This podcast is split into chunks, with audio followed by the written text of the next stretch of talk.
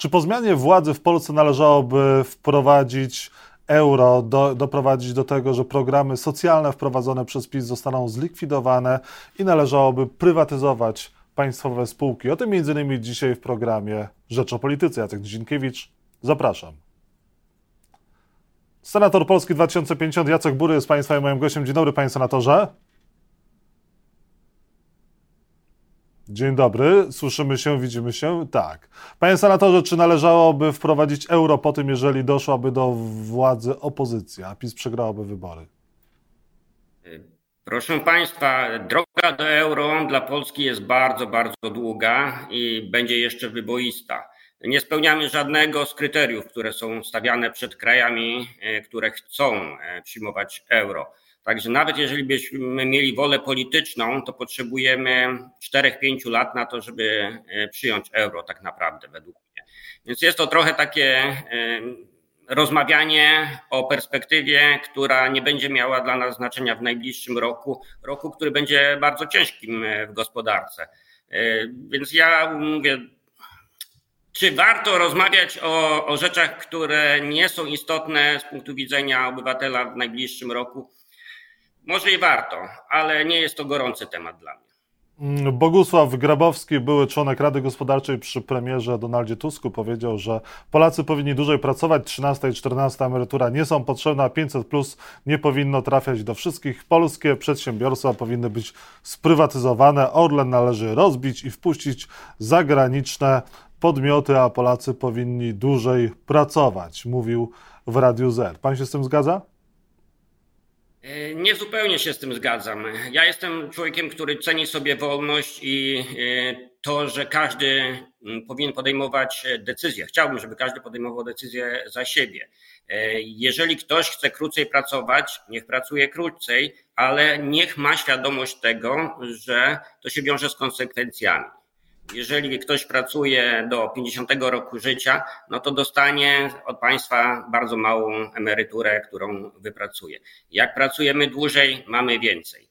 E, więc e, to są decyzje każdego człowieka i powinniśmy mu zostawiać tak naprawdę wolność. Jak ktoś pracuje po 12 godzin, mi się często tak zdarza, no to wtedy człowiek jest w stanie jakby zarobić więcej, wypracować e, więcej dla siebie, dla swojej rodziny.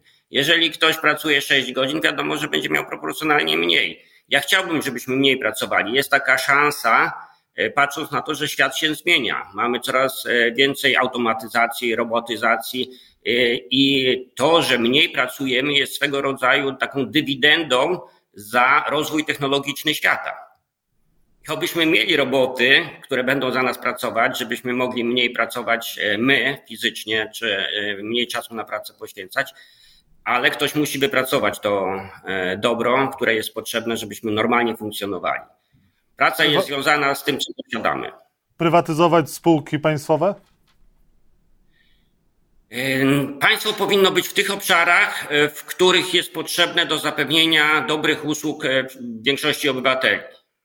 Ja na przykład e, nie jestem zwolennikiem prywatyzacji e, strategicznych e, takich gałęzi gospodarki, jak chociażby energetyka. Nie, to powinno pozostać pod kontrolą państwa w dużej mierze. W dużej mierze powinno zostać. Natomiast jestem przeciwny temu, żeby państwo, tak jak w tej chwili, było właścicielem chociażby fabryki cukierków Pszczółka. Po co? Ja pytam, po co państwowa firma pszczółka ma konkurować z prywatnymi firmami produkującymi cukierki. Dla mnie to jest bez sensu. Ale od PKP prywatyzować? PKP e, moim zdaniem e, mogłoby być częściowo prywatne. Niektóre spółki, które jeżdżą na przykład, e, przewożą pasażerów, mogłyby być prywatne, natomiast cała infrastruktura powinna być pod kontrolą państwa i powinna być zarządzana przez państwo. A bliska panu telewizja publiczna? Ja wiem, czy taka bliska. E, Występuje pan w tej telewizji, a nawet prowadzącemu prezenty przynosi. Wie pan, e, ta propaganda i to, co uprawia pan e, Kłeczek, ostatnio mówię na niego mizeria, to jest propaganda tak naprawdę bardzo niskich lotów i, i tempa. Jest przewidywalny do, do bólu jest niestety, nie jest dziennikarzem. Nie jest dziennikarzem ten pan, bo nie pozwala się ani wypowiedzieć, ani nie zachowuje standardów obiektywności. Pan nie zamierza przeprosić TVP widzów prowadzącego ten program za to, że pan wstał, obraził, podał, przyniósł ogórek i też wyszedł ze studia. E, wie pan, e, ja bym oczekiwał, żeby TVP poprawiło standardy prowadzenia programów. Tak naprawdę to oni e, powinni przeprosić widzów za to, że ich okłamują. Bo w tym, programie pan, no, w tym programie pan Kłeczek ewidentnie przykrywał kwestie związane z zawyżaniem cen oleju napędowego i benzyny przez ostatnie pół roku przez Orlen twierdząc, że to dla dobra Polaków takie ceny były i wkładając w moje usta czy w usta opozycji twierdzenie, że my to chcemy e, ceny benzyny na poziomie 10 zł. E, czyli tak, oni okradali, Orlen okradał Polaków, TVP to przykrywa, mówi nie było żadnego problemu, to dla waszego samopoczucia. Jeszcze mnie e, oskarżają o to, że ja chcę benzyny po 10 zł i dodatkowo mówią, że mnie stać, ponieważ handlowałem ogórkami. Z Rosją. Handlował pan? E, nie, z Rosją nie handlowałem. Handlowałem z Białorusią, e, kiedy okazało się, a, a, firma ma naprawdę dużą skalę. Miesięcznie przyjeżdża do nas około 200 tirów owoców i warzyw z całego świata. Przyjechały trzy tiry, na których były ogórki, częściowo ogórki pochodzenia rosyjskiego, czego nie było w kontrakcie, bo kontrakt opiewał na konkretną jakość ogórków, a nie na pochodzenie. Zresztą te rosyjskie ogórki też są dopuszczone na, na polskim rynku. Ale ja w trosce o największe standardy zerwałem ten kontrakt. Od razu zerwałem ten kontrakt, powiedziałem stop, nie będziemy handlować. I mnie się oskarża o to, że ja ciągle handluję tymi ogórkami. E, odwraca się uwagę od problemu Orlenu, gdzie Orlen sprowadza przecież wielkie ilości e, ropy. Lotos sprowadza też wielkie ilości ropy. Gdybyśmy miesięczny import ropy zapakowali na cysterny w tirach, to kolejka tirów by była od granicy białoruskiej do granicy niemieckiej. 40 tysięcy tirów by stało przez całą Polskę. I mhm. tutaj nie widać problemu, tym bardziej, że na tej rosyjskiej ropie Obajtek się dorabia, zabierając pieniądze z naszych kieszeni. A jest problem z e, trzema samochodami, które zablokowałem i których już nigdy nie będzie, jeżeli chodzi o Rosję. To może TVP należałoby po zmianie władzy sprywatyzować? E, przepraszam, może pan powtórzyć, bo. To może w takim razie TVP po zmianie władzy należałoby sprywatyzować? Ja myślę, że prywatyzacja nie załatwi wszystkiego, jeżeli chodzi o TVP. Standardy te europejskie, tak jak mój tu przedmówca chyba mówił, są takie, że te telewizje są w jakimś tam stopniu publiczne i służą do informowania obywateli.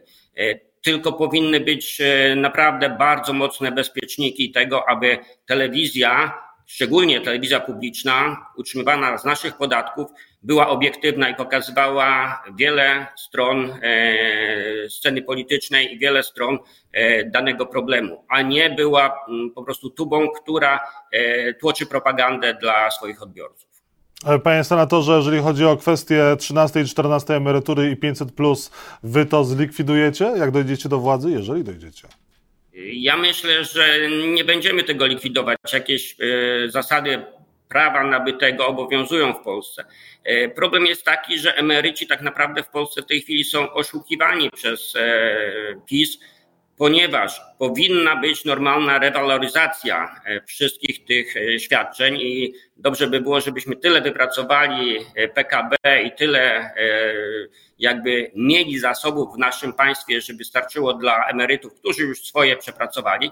Natomiast zatrzymanie rewaloryzacji, powrót do wysokiej inflacji, która okrada nas wszystkich, powoduje to, że PiS szuka gdzieś tam niby pieniędzy, które wcześniej zabrał nam i udaje, że daruje w 13-14 emeryturze. To się należy emerytom, tak samo jak Polakom pracującym się należy dobra ochrona zdrowia czy dobra edukacja, bo na to płacimy, a PiS e, rżnie głupa, że oni są dobrymi wujkami i coś dają od siebie. Nic nie dają. Jeżeli nie wezmą od Polaków pieniędzy, to później nie mają co dać, chyba że pożyczą ale coraz no, trudniej jest pożyć. Dojdzie do zmian w Sądzie Najwyższym na najbliższym posiedzeniu Sejmu i te środki z KPO zostaną dla Polski odblokowane? Chciałbym, żeby Polska potrafiła, nasz rząd PiSu, mimo tej mizerii, jaką reprezentuje, żeby potrafił zadbać o interesy całego społeczeństwa te pieniądze z KPO są nam naprawdę potrzebne, żeby przede wszystkim zbudować wiarygodność, wiarygodność Polski na arenie międzynarodowej. Bo jeżeli my nie bierzemy tych pieniędzy, to e, wszystkie inne kraje i inwestorzy patrzą na nas jak na wariatów i mówią, coś tam jest nie tak z tym krajem, skoro nie potrafi się dogadać e, z Unią Europejską, z, no powiedzmy z bankiem swego rodzaju i, i nie ma tych pieniędzy. I to jest potrzebne.